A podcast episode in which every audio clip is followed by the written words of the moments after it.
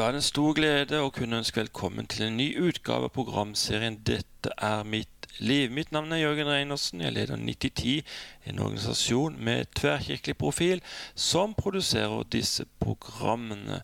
Jeg er nå i Vestlandets hovedstad, Bergen, og foran meg sitter Anne Linda Bratsberg Thorsen, som er dagens gjest. Velkommen som gjest i Dette mitt liv, Anne Linda.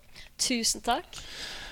Du er noe så spennende som lovsangstrommeslager på heltid. Dette skal vi komme tilbake til etter hvert, men vi skal begynne helt i starten ifra ditt liv. Det var slett ingen selvfølge at det skulle gå bra verken for deg eller din mor da du kom til verden. Det er helt sant. Eh, jeg hadde en veldig dramatisk start på livet.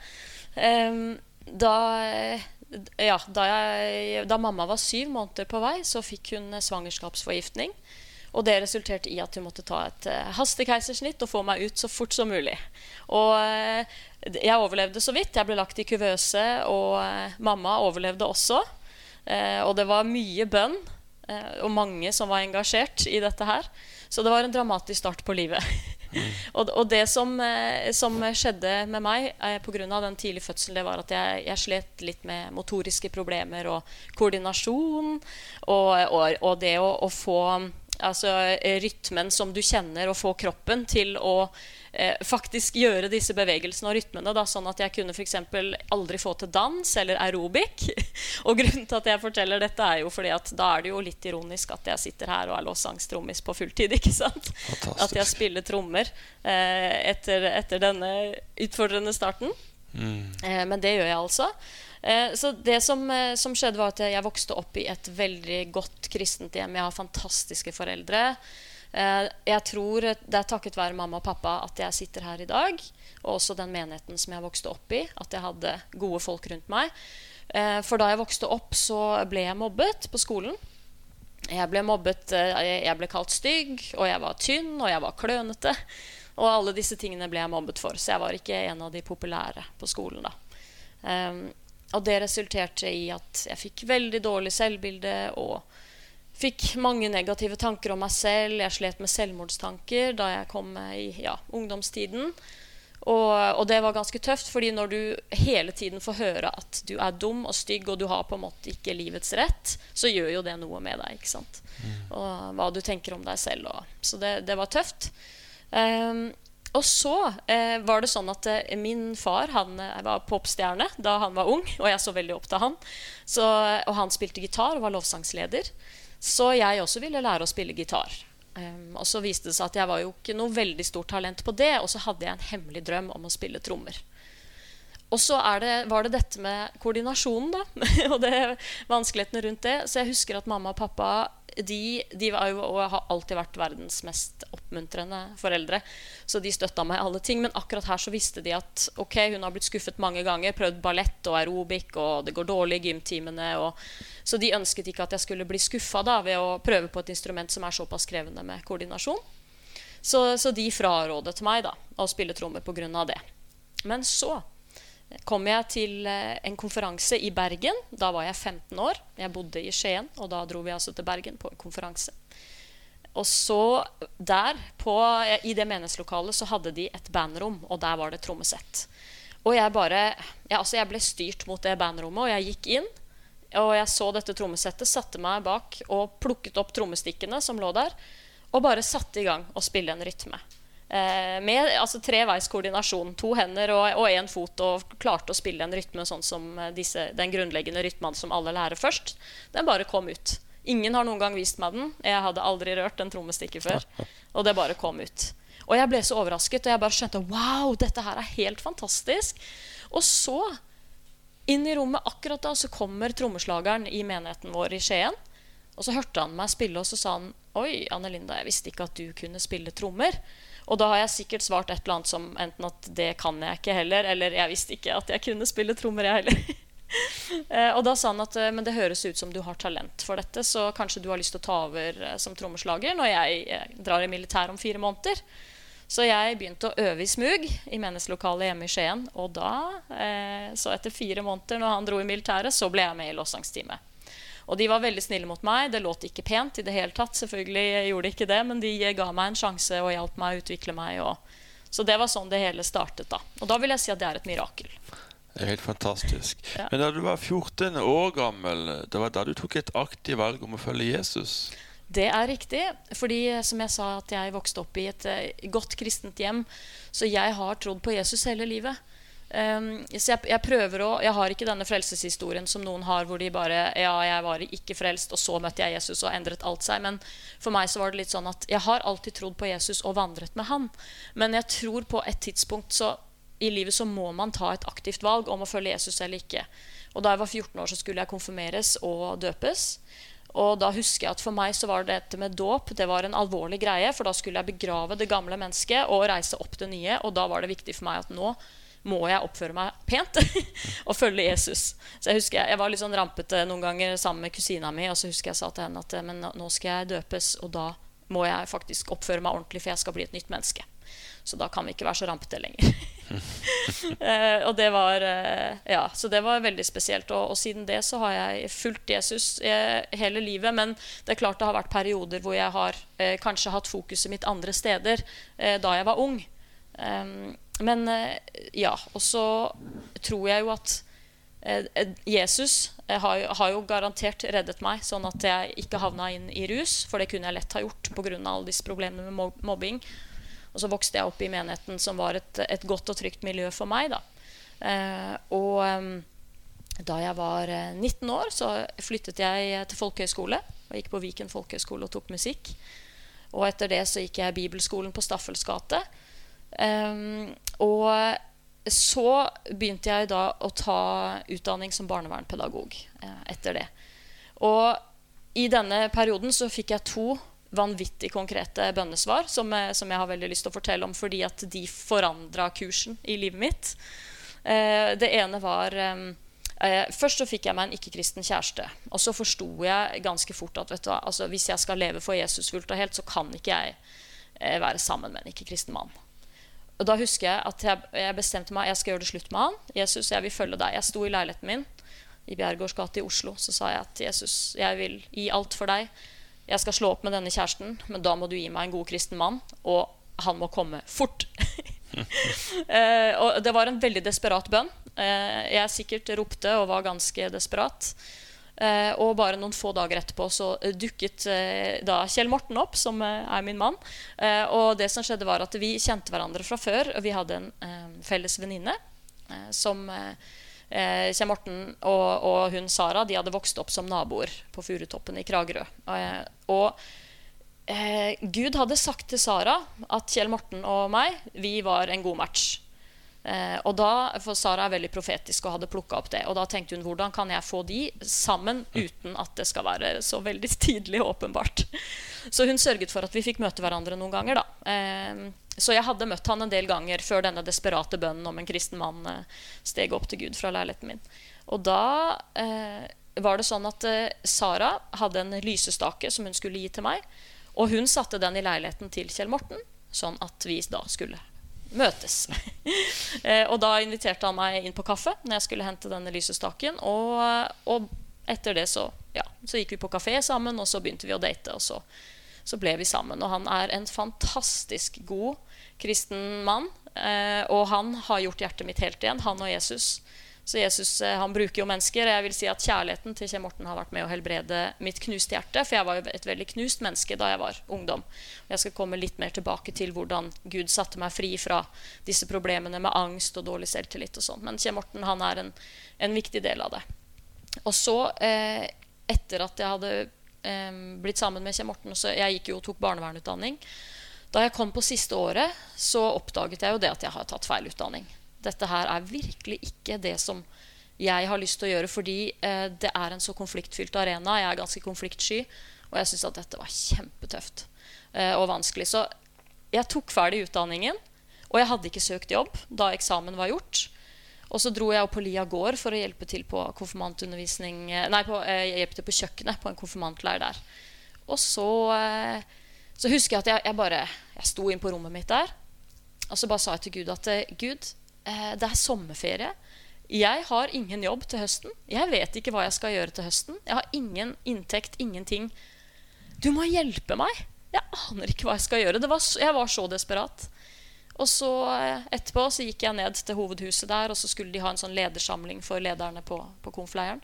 Så satt jeg meg ved siden av en eh, mann som jeg ikke kjente, og så bare spurte jeg om ja, er det gøy å være leder på konfleir. Og så sa han at ja, det er veldig kjekt å være på konfleir, men jeg er ikke leder egentlig, jeg er med som diakon. Å, diakon, sier jeg. Hva er det? Det har jeg ikke hørt om. Mm. og så begynte han å beskrive jobben. Eh, og, så, og, så, sa jeg men er dette mulig? Det er jo drømmejobben. Jobbe i en menighet, eh, ha samtaler med mennesker, eh, gjøre aktiviteter, være med på gudstjeneste, møte mennesker i sorg og nød. Jeg var helt overveldet over at dette var mulig. Og så spurte han ja, hvilken utdanning har du da. Så forklarte jeg det. Og så, så sa han ja, du har barnevern tre år, det er veldig bra. Har du kristen og grunnfag? Ja, det har jeg. Ja, det er flott, sa han. Da kan du ta årsenhet på diakonhjemmet i diakoni. Og så kan du bli diakon og jobbe i en menighet. Det var før det blei master, da. Så han sa at og de tar ofte inn folk etter søknadsfrist, så, så, du må bare søke. Så med en gang jeg kom hjem fra Lia gård, så søkte jeg på diakonhjemmet på den årsenheten i diakoni, og jeg kom inn. Jeg tok den utdannelsen, og før jeg var ferdig utdanna, så hadde jeg fått jobb i Strømsgods kirke i Drammen.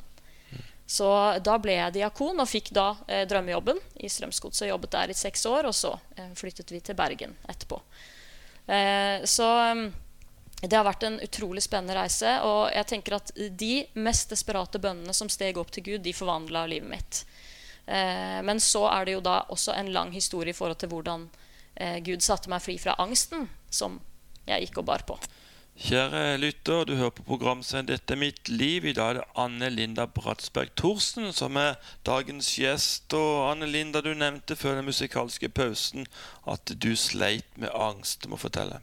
Ja, for pga. all denne mobbingen i barne- og ungdomstida, så, eh, så dette skapte mye angst og uro. For det er jo sånn at når du hele tiden får trusler om at noen skal banke deg opp Selv om ikke det skjedde, så var det nok at jeg fikk de truslene. Og det føltes som jeg levde i en krigssone, og jeg var konstant engstelig og redd for at jeg skulle få bank, eller hva folk skulle si til meg, eller ubehagelige opplevelser. Og dette satte seg veldig i, i kroppen min.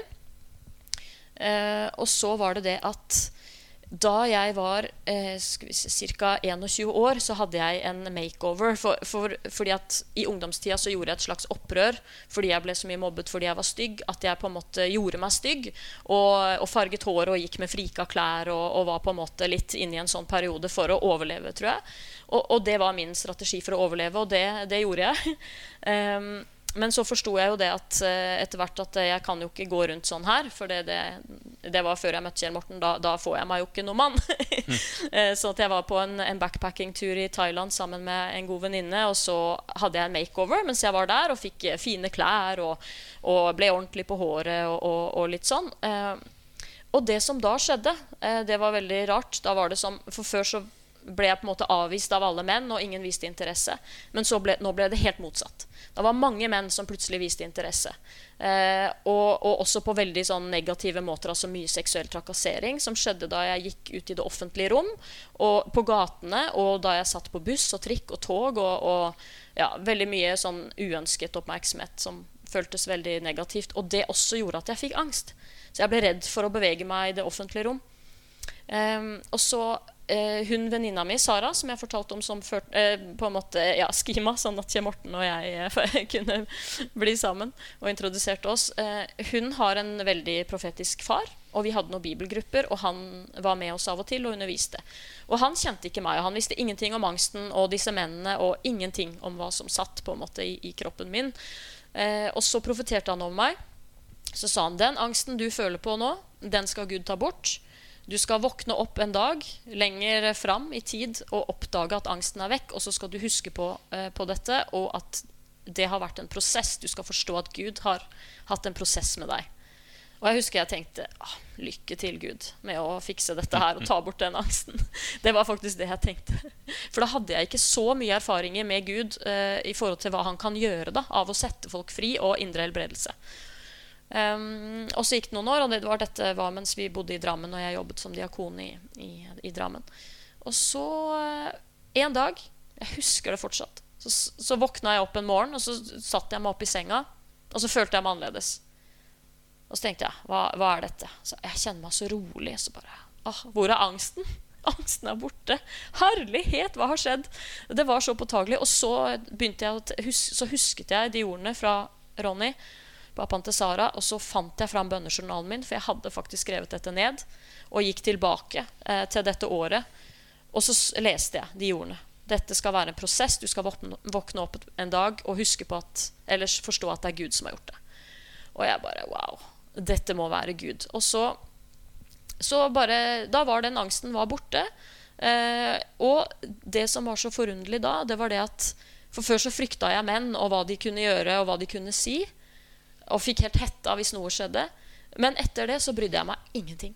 Hvis det var noen som prøvde seg på et eller annet, så det, bare, det vekte ikke frykt i meg lenger. Jeg, bare, jeg kunne ikke brydd meg mindre. Og det som skjedde da, var jo at da slutta de jo å plage meg. Så plutselig så var det slutt på alt dette her. Og da begynte jeg å forstå at dette har vært en åndelig greie hvor, eh, hvor, den onde har prøvd å ta meg ut og trykka på knapper. Eh, men nå har han ikke noe makt over meg lenger på det området, og da slutta det å skje. Det var veldig spesielt. Men så var det det at eh, jeg hadde fortsatt indre uro og stress i kroppen min. Og det kjente jeg at jeg klarte aldri slappe av 100% Så selv om angsten og frykten var borte, så var det et eller annet som lå og ulma av uro. da. Og så... Eh, husker jeg at jeg måtte ta et oppgjør med, med mob mobbingen i forhold til at jeg måtte tilgi. Um, og jeg måtte ta en runde der. Selv om jeg aldri snakket med noen av mobberne etterpå, så måtte jeg gå noen runder med meg selv og innenfor Gud og tilgi dem. Da. Og, og da, da, slapp det taket. Og selvtilliten min vokste mer, og eh, ting ble bedre. Men fortsatt den indre uroen som var der, den, eh, den kjente jeg litt på. Og så er det en pastor i California som heter Joe Johnson, som er på Oase og har indre helbredelse, som ber for folk eh, hver sommer. I hvert fall så har han vært det tidligere. Og han skulle da komme på besøk til Sara. Og, og, da var vi der med bandet, og så sa Sara kan ikke alle ha en sånn sesjon med Joe hvor han, han får lov til å gå litt gjennom ting i livet også og be eh, for hver enkelt. Så, så, ja, det er jo fantastisk så, for en gave. Så det gjorde vi. Og da, da husker jeg hun Sara var med meg da, inn i rommet. Eh, og så sa hun at eh, Anne Linda for, for, jeg sa at Men jeg har jo blitt satt fri fra angsten, og, og, og, og jeg, jeg, føler ikke noe problem i forhold til mobberne lenger. De har jeg tilgitt, jeg har lagt det bak meg. Jeg kjenner jeg er fri fra det. Men så sa hun ja, men fødselen din Anne Linda, den var dramatisk. Og jeg har lest at folk kan få posttraumatisk stresslidelse av sin egen fødsel. Eh, og hun er også veldig profetisk og har sikkert plukka opp det her. Og jeg kjente at ja, men la oss ta det, da. Og dette er jo ikke noe Ingen har jo bevisste minner om sin fødsel. Så du er avhengig av at Den hellige ånd tar deg inn i det landskapet. Så det Joe gjorde, var at han, han gikk gjennom alt fra unnfangelsen og til man kom ut, og, bare, og stilte spørsmål. Og, og, hva skjedde da, hva skjedde da? Og var du et ønsket barn? Og ja, forskjellige spørsmål. da. Og så kom han til måned syv. Eh, så spurte han eh, Ja, for da, da, da, da ble jeg født. Og så sa han ja, var du klar til å komme ut? Og det rakna jo helt for meg. Jeg begynte å skjelve og gråte og mista helt kontrollen. Eh, men det, det, var ikke ubehagelig. Det, det, det, har aldri skjedd meg før at jeg har mista kontrollen på den måten. Eh, men jeg kjente at det var Gud, og jeg skjønte at nå gjør han noe som jeg må la han få gjøre. Så jeg bare lot det komme. Og, eh, og han tok meg gjennom det. Og vi ba. Eh, og, og, så spurte han ja, ja hvor, hvor, ser du Jesus i dette. Eh, og så så jeg at jeg lå i den kuvøsa, og så så jeg løven av Juda, for jeg ser Jesus som en løve. Så jeg han sto der ved siden av og passa på det. Og at det også var en engel der. Og jeg bare Wow! Det, det var sterkt. Mm. Og så eh, Ja. Og så spurte han ja, hva vil du si til deg selv nå som du er voksen. Og hva vil du si til barnet som ligger der og skal kjempe seg gjennom eh, dette livet og alle de vonde tinga du har opplevd? Så, så, da sa jeg til meg selv hold ut. Hold ut, for det, det kommer til å bli bra. Eh, og Gud skal reise deg opp igjen. på en måte. Eh, så, så, og da jeg kom ut av det rommet, så kjente jeg at nå er jeg et nytt menneske. Da var den, det posttraumatisk stressyndromet eller det kroniske stresset som lå der, det var borte. Og etter det så har jeg vært helt annerledes. Selvfølgelig jeg kan bli stressa av situasjoner og ting som oppstår, men da er det relatert til noe konkret. sant? Det er ikke et stress som ligger der fordi noe har blitt påført meg i barndommen. Eller. Så jeg opplever jo veldig at Gud har satt meg fri fra disse tingene. Og at jeg nå er et helt oppreist menneske. Hvis noen hadde sagt til meg for, eh, for 20 år siden at du skal, eh, du skal, stå foran masse mennesker og undervise, for det gjør jeg også. Jeg underviser, taler og At jeg skal stå på en scene og spille for mennesker og være uredd og usjenert og utadvendt. Eh, så jeg hadde jo bare ledd. Jeg hadde bare ledd. Mm. For jeg hadde ikke sett for meg at jeg faktisk kan eh, bli et helt oppreist menneske. Så, så det har Jesus gjort. Han har reist meg opp. Det har vært en lang prosess. Eh, Jeg har hatt gode mennesker rundt meg. Kjell Morten, min mann. Fantastisk hans kjærlighet, som har virkelig gjort eh, ja, underverker for å gjøre hjertet mitt helt igjen. Fantastisk, Anne Linda. Men du nevnte dette med at du måtte tilgi de som hadde mobba deg og sånt. Eh, Mm. Hvor viktig tror du det var i din prosess? Det tror jeg var helt avgjørende for å kunne la det gå og slippe det. Fordi når, når jeg gikk rundt på en måte og tenkte på de med sinne og ah, 'Dere har ødelagt livet mitt', ikke sant? Og, og alle disse tankene, så blir man så opphengt i det. Og i sinne og bitterhet. Eh, at det holder deg jo fanga. Men når jeg klarte å tenke at vet du hva, dette her, Jesus, det, det har du tatt. Og, og jeg vet at de hadde store problemer. Det vet jeg i dag. Og de, det har ikke gått bra med alle de. Og prøvd å plassere at det var deres problem og ikke mitt. Og, og bare si til Jesus at jeg gir de til deg, jeg tilgir de, jeg lar de gå. Jeg bryter alle bånd som, eh, på en måte, og bindinger som har blitt da, eh, mellom meg og dem. Eh, så, så slapp det taket og gjorde at jeg fikk det bedre etterpå. Det, det var jo ikke lett, og det, det er jo et valg du tar. Følelsene er ikke alltid like klare for å, å la ting gå. Men, men du vet at du må, for jeg visste at jeg kom til å få det bedre da. Og noen ganger må man til og med også tilgi seg selv. Og det er utrolig sterkt å kunne gjøre det. Så for meg så var det veldig viktig i min prosess. Kjære lytter, du hører på programserien 'Dette er mitt liv'. I dag sitter jeg i Sentralkirken i Bergen og møter Anne Linda Bratsberg Thorsen. Du har vært diakon her, Anne Linda, i flere år, og du hadde en spesiell opplevelse som du hadde lyst til å dele med lytterne. Ja, så mens jeg jobbet som diakon i eh, Sentralkirken i Bergen ca. seks år, gjorde jeg det. Um, da er det sånn at av og til så blir man jo kontakta av folk som, eh, som ja, trenger ulike ting. Og jeg ble kontaktet av noen som opplevde veldig negativ åndelig aktivitet i huset der de bodde. Og de ønsket eh, at jeg skulle komme og be for det. Og eh, For meg så var det en livsforvandlende opplevelse i forhold til det å forstå kraften i Jesu navn, og at Bibelen faktisk er sann. At det som står der, det stemmer.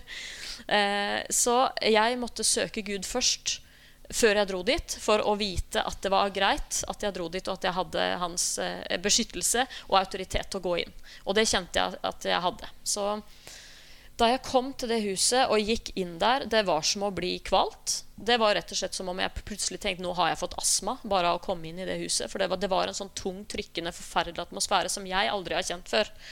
Um, og så gikk vi inn i stua, og så hadde jeg jo plukka ut et par bibelvers jeg skulle lese høyt. Og det er jo disse som handler om Jesus som har navnet over alle navn, og hvert kne må bøye seg eh, for Jesus i himmelen, på jorden og under jorden.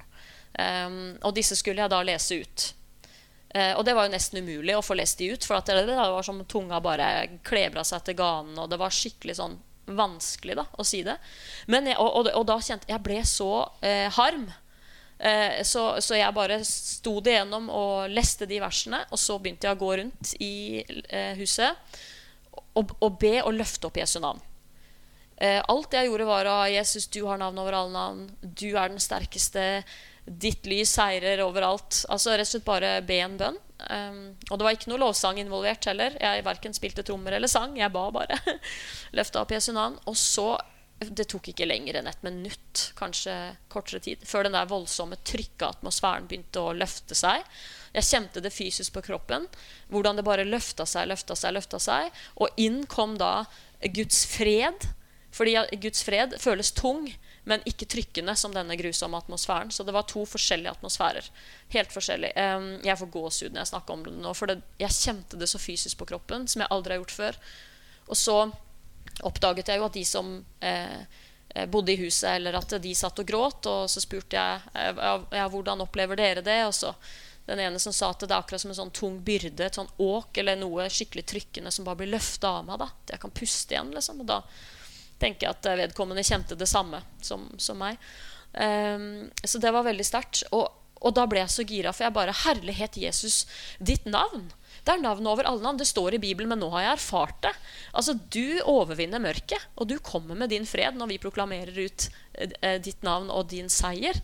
Eh, og for meg så blei det livsforvandlende i livet med Gud, fordi jeg har alltid trodd at Bibelen er Guds ord, og at den er sann og at det som står i Bibelen og Guds løfter, det er sant, og det står fast. Jeg har aldri tvilt på det. Men samtidig så er det noe med å skjønne det med hodet eh, og erfare det selv.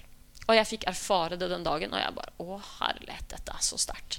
Etter det, så, For før så kunne jeg være redd for demoner, og når jeg kom på hotellrom og liksom steder som var ukjent og skulle sove, så kunne jeg tenke på Tenk om det er noe her, eller eh, at jeg kunne kunne lure på, på sånne ting. Mens, eh, mens, etter den opplevelsen med at det å løfte opp Jesu navn og proklamere Hans herredømme bare sender alt mørket på dør, så har jeg jo ikke vært redd for sånne ting. For da vet jeg hvilken autoritet jeg har fått i Jesus. Og det mm. gjelder alle kristne som har tatt imot Jesus og fått Den hellige ånd på innsida. Vi har fått den autoriteten. Så Bibelen er sann, det stemmer. Jeg har en helt annen opplevelse eh, og en stødig, klippefast tro på det nå når jeg har erfart det selv. Så det var veldig spesielt. Så der, Derfor så det, valgte jeg sangen 'I Speak Jesus'. fordi at når du taler ut Jesu navnet over en situasjon eller et sted du er, så Jesus han griper inn fordi navnet hans står over alle navn. Nydelig. Du nevnte også før eh, denne sangen at du sleit med angst, men du ble frisk, du ble fri. Eh, har du noen ord til de som sliter med angst? Absolutt. Eh, det jeg vil si til alle som sliter med angst, det er mulig å bli fri. Fordi jeg har blitt fri, og derfor så vet jeg at det er mulig. Eh, det var en prosess. Det var ikke noe som skjedde over natta. Det, det var en prosess. Eh, selv om jeg var heldig og ble satt fri eh, fra den PTSD-en i samtalen med Joe, så var det allikevel en prosess, selv om det øyeblikket var avgjørende. Så jeg vil si, hvis du sliter med angst, oppsøk hjelp. Det er det første. Oppsøk en kristen sjelesørger, en som driver med indre helbredelse, som eh, som virkelig forstår seg på disse tingene. Eh, som kan være med og be for deg og ta deg eh, inn eh, i Jesu nærvær. Og ikke bare fra et terapeutisk ståsted prøve å hjelpe deg, men, men faktisk ta deg inn for eh, Guds trone. Da. Eh, for, fordi at det er så mye mer virkningsfullt når Jesus får jobbe på dypet. Og jeg har jo erfart det som diakon, siden jeg har jobbet som diakon i mange år. Og noe av det jeg gjorde mest, det var å ha samtaler med folk som sleit med ulike ting. Det, sorg og angst og ulike ting. Og eh, når vi inviterte Jesus inn i situasjonen og gikk inn eh, for hans trone, og, og Den hellige ånd begynte å åpenbare roten til problemet, så kom vi så mye lenger, og Gud fikk gjort så mye mer. Eh, så jeg har sett mennesker ha blitt satt fri fra angst, også eh, andre enn meg, da, ved å ha samtaler med dem og, og, og, gå inn i en sånn indre helbredelsesprosess hvor du tar Jesus med. Så det har vært veldig sterkt. Og derfor vil jeg si at eh, det er håp. Så ikke gi opp, men søk eh, sjelesørgere som virkelig kan dette med indre helbredelse. Og, eh, ja, og bare vite at Jesus han er faktisk den eneste som kan sette oss fri fullt og helt. Mm. Mm. Nydelig, Anne Linda. Ja, Du har jobba som diakon i mange år, men så åpna Gud en ny dør for deg. Du må fortelle. Ja. Eh, det var, eh, mens jeg jobbet som diakon, så, så startet jeg jo å spille i et uh, lovsangsband som heter Connected. Eh, og vi reiste rundt og spilte, og det ble flere og flere spilleoppdrag med Connected. Og så begynte jeg å få en del spilleoppdrag på egen hånd som frilanser. Og det ble mye reising i helgene, og som diakon så jobber du mye i helgene. Og så ble det vanskelig å få denne kabalen til å gå opp, da. Um, og kombinere disse to tingene. Så til slutt så, så sa jeg til Gud at eh, jeg klarer ikke å gjøre begge deler lenger. Um, og så sa han til meg, eh, jeg husker det enda, det var i november i mine foreldres hus, eh, rett før jeg fylte 40, og så sa han at eh, Eh, ditt 40. år skal være et sabbatsår, sa han først. Eh, og da forsto jeg at nå er jeg kanskje på vei inn i noe nytt. Så da, eh, 1.1.2020 så tok jeg permisjon fra jobben som diakon et år for å prøve å leve som musiker på fulltid. Og eh, det bare åpnet seg flere og flere dører. Og eh, etter et år så valgte jeg å slutte i jobben som diakon og bare gå inn i dette eh, fullt og helt. Og Gud har åpnet så mange dører. Jeg reiser over hele Norge og spiller på kristne konferanser og møter og stevner. Og også reiser jeg i Europa, og, og det er for så vidt planer om ting utenfor Europa også.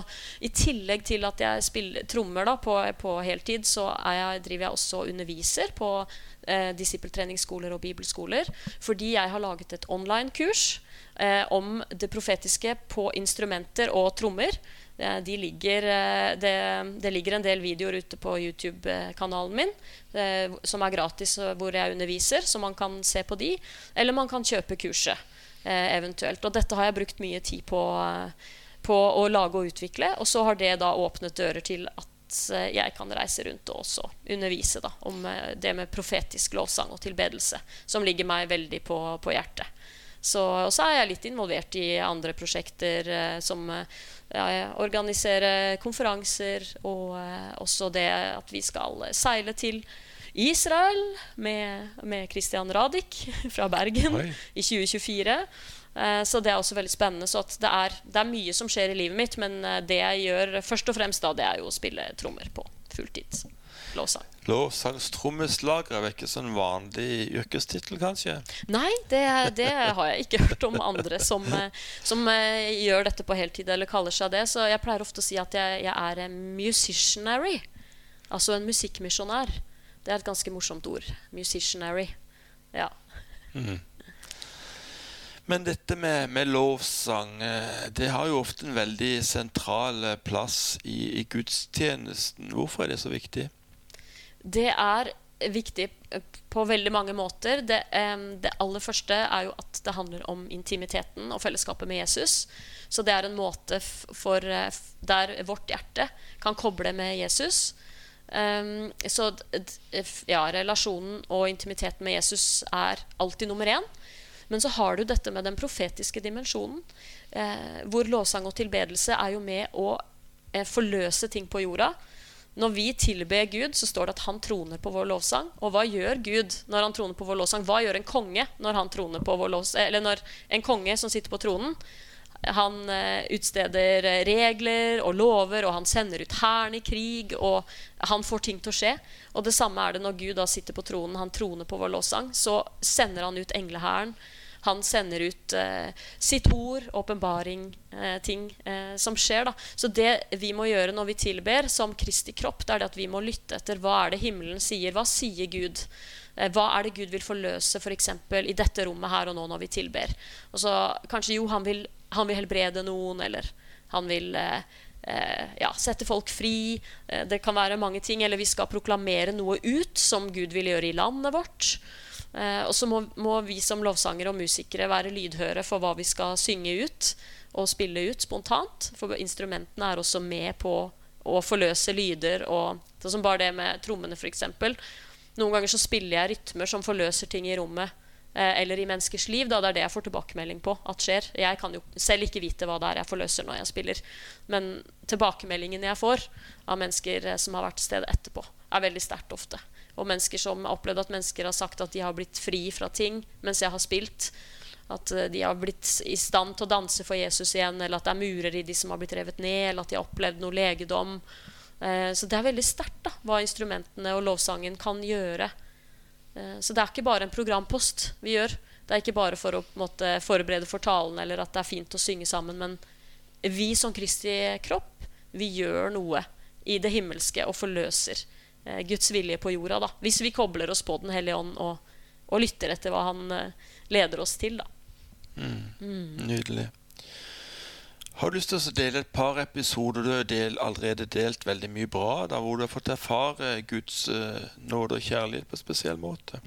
Ja, eh, absolutt. Jeg føler at jeg har opplevd og erfart Guds nåde og kjærlighet så mange ganger gjennom eh, konkrete bønnesvar. Særlig for min del. Jeg vet at vi møter Gud på ulike måter. Og jeg har hørt folk beskrive at det er kjærlighet som strømmer gjennom kroppen. Eller eh, ja, at man kan få fysiske møter med Gud. Jeg har ikke opplevd det så mye, men jeg har opplevd hans omsorg og kjærlighet mer konkret i forhold til eh, mennesker han har latt meg møte, som har åpna en dør inn i tjeneste som at ved at jeg gikk inn den døra, og den ble åpnet for meg, har kunnet eh, komme inn eh, i andre ting igjen. For du møter en person et sted som åpner en dør, og så kommer du inn den døra og drar til det stedet, og så møter du en ny person som er viktig, en nøkkelperson. Så sånn veldig konkret og praktisk har jeg opplevd eh, Guds nåde og kjærlighet. Eh, men jeg tror kanskje det, det som står sterkest for meg akkurat nå, det var et økonomisk mirakel jeg opplevde eh, nå veldig nylig. fordi det er tøft å leve fra hånd til munn, sånn som jeg gjør. Jeg tjener ikke veldig godt på spilleoppdragene. Jeg er avhengig av å få gaver i tillegg. Um, og så hadde vi en tøff eh, økonomisk periode hvor det kom mye utgifter på en gang. Uh, for både min mann og, og meg, som gjorde at det ble veldig tøft økonomisk. Og det ble en god del i kredittkortgjeld. Uh, og da og så var det sånn at eh, det gikk fire måneder, og det kom ikke inn eh, penger på annet enn det jeg spilte på musikken. Og jeg var så fortvila. Og til slutt så gikk jeg ned på kne på baderomsgulvet og gråt i en halv time. Altså, jeg var så desperat eh, som jeg ikke har vært før. da Fordi pengene har stort sett kommet, og ting har gått bra, selv om du blir litt stressa av og til. Men da var det bare en sånn tøff periode. Og så gråt jeg, og så sa jeg til Gud at vet du hva? Det handler ikke om pengene lenger, men det handler om de løftene som du har gitt meg, som både står i Bibelen, at du skal forsørge oss, men òg at du sa til meg når jeg gikk ut i fulltidstjeneste som lovsangstrommis, eh, at du skulle forsørge meg. Og jeg skulle ikke bekymre meg for det økonomiske fordi du hadde hånd om det. Og det har du gjort hele veien, men de siste fire månedene så har du ikke innfridd. Og for meg så er det mer alvorlig enn noe annet. Fordi jeg trenger å stole på pappaen min. ikke sant? Um, og jeg var så fortvila. Så dro jeg i bønnehuset. Min mann og jeg også, vi driver og bygger bønnehus i Bergen. Så dro jeg til bønnehuset og satt her med en av eh, bønnedamene som, eh, som eh, Og så sa jeg 'Gud har svikta meg, og jeg får ikke penger', det er helt forferdelig. Og så sa hun 'Nei, du må ikke tenke sånn'. Han har ikke svikta deg, og du kommer til å få penger. Du må bare fortsette å tro, og så må du prise han og takke for de pengene du allerede har fått. Og jeg var helt målløs og sa at, eh, altså, satt der og gråt. Og ja, takk, Jesus, takk for at du skal gi meg de pengene. Og jeg har allerede fått de. Og det var skikkelig mye drama. Eh, og så eh, gikk det to dager, og så begynte pengene å komme inn. Eh, og det var ganske mye penger vi trengte, da. Eh, for å si det sånn. Det, det, vi snakker ganske mange tusen. Eh, og de kom inn gjennom mennesker som, som, ga større beløp, men også at jeg var og spilte på en kvinnekonferanse i Førde. Eh, hvor lederen sa at eh, kan vi ikke bare velsigne Anne Linda med litt penger? Hun lever av dette her, og det er tøft. Og kan vi ikke bare vippse litt eh, penger til henne, de som har mulighet og lyst? da? Og så kom det jo inn jeg tror kanskje 17 000 totalt. Ja. Og det var helt fantastisk. Og det var nesten da med alt det andre som jeg hadde fått inn da, så var det nok til å betale ned eh, i hvert fall min kredittkortgjeld og komme i balanse. Eh, så, så, det var sånn det, Da sa jeg Gud, du er nådig. Du er god. Du er konkret. Du svarte på min desperate bønn. Mm. Og så må jeg også innrømme at han, eh, han tok meg litt fore i forhold til kredittkortbruken. Og, og, og, forklarte meg hvordan han ville at ting skulle være.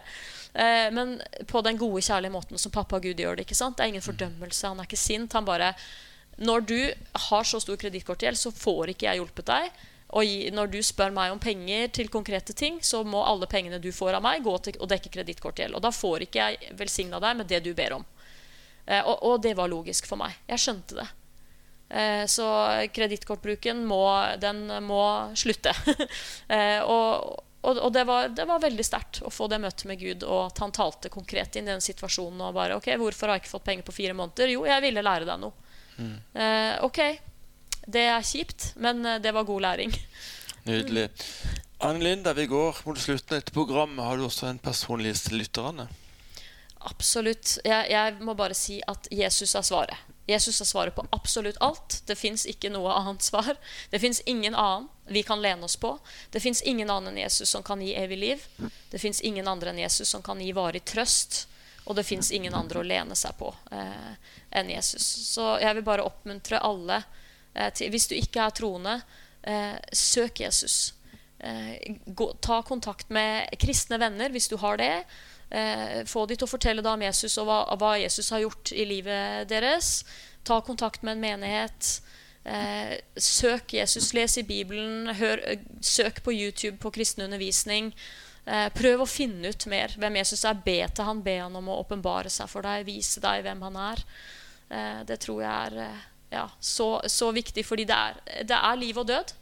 Rett og slett. Jesus er veien, sannheten og livet. Det står det i Bibelen. Ingen kommer til Faderen uten Jesus. Og hvis, hvis vi kommer til Jesus, så får vi evig liv. Eh, og det, ikke bare får vi hjelp til å klare dette livet, men vi også vet at vi får evig liv sammen med Han i himmelen etterpå. Og for meg så er det eh, det, det, er et valg mellom eh, liv og død, og, og det, det, er så viktig. Eh, og uten Jesus hadde jeg ikke klart meg. Eh, veldig ofte så tenker Mange i Norge har det godt og tenker at vi klarer oss helt fint uten Gud vi, fordi at vi har det vi trenger, og alt går på skinner. For mange.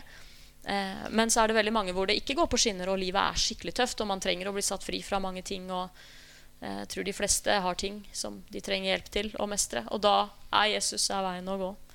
Så det vil jeg oppmuntre til. Veldig bra. Vil du også be en bønn for lytterne? Ja. Kjære, gode himmelske pappa. Bare takker deg fordi at du elsker hvert eneste menneske på jorda like høyt. Du har skapt hver en. Eh, hvert eneste menneske har du skapt, og du ønsker at alle mennesker skal lære å kjenne deg og din sønn Jesus Kristus. Så jeg har bare lyst til å, å, be deg, Gud, om at eh, du skal møte hver enkelt av lytterne der de er nå. Du vet hva de trenger i livet sitt. Du vet hva de bærer i hjertet sitt. Du kjenner deres eh, tro eller mangel på tro.